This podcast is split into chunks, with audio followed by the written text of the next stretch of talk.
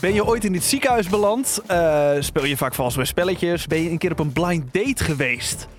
Heb je wel eens een naaktfoto van jezelf gestuurd? Of ben je verslaafd aan je telefoon? Mediteer je wel eens? Zoveel verschillende stellingen. Eh, Erik, wij kennen elkaar redelijk goed. Zeker. Maar kennen wij elkaar wel echt? Nou, ja, het ding is, eh, wij, eh, Guido Kuin en Erik van Roekel, we gaan wel eens met elkaar uit eten. We zijn natuurlijk ook oud-collega's. We zijn zelfs een keer met elkaar op een reis geweest. Ja.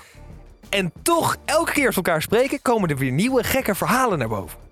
En die willen we elkaar vaker vertellen. En eh, mede daarom starten we deze podcast. En tof als jij mee wil luisteren en ehm, ons misschien ook stellingen kan sturen. Heb je altijd al iets van ons willen weten? Of denk je na een tijdje van, joh, wat, wat zouden zij erover denken? Hebben ze dat misschien wel eens meegemaakt? Of heb je zelf een eh, gênant verhaal meegemaakt waar je eigenlijk ons ook eh, het vuur over aan de schenen wil leggen? Stuur hem vooral even in via Instagram, stellingnemen.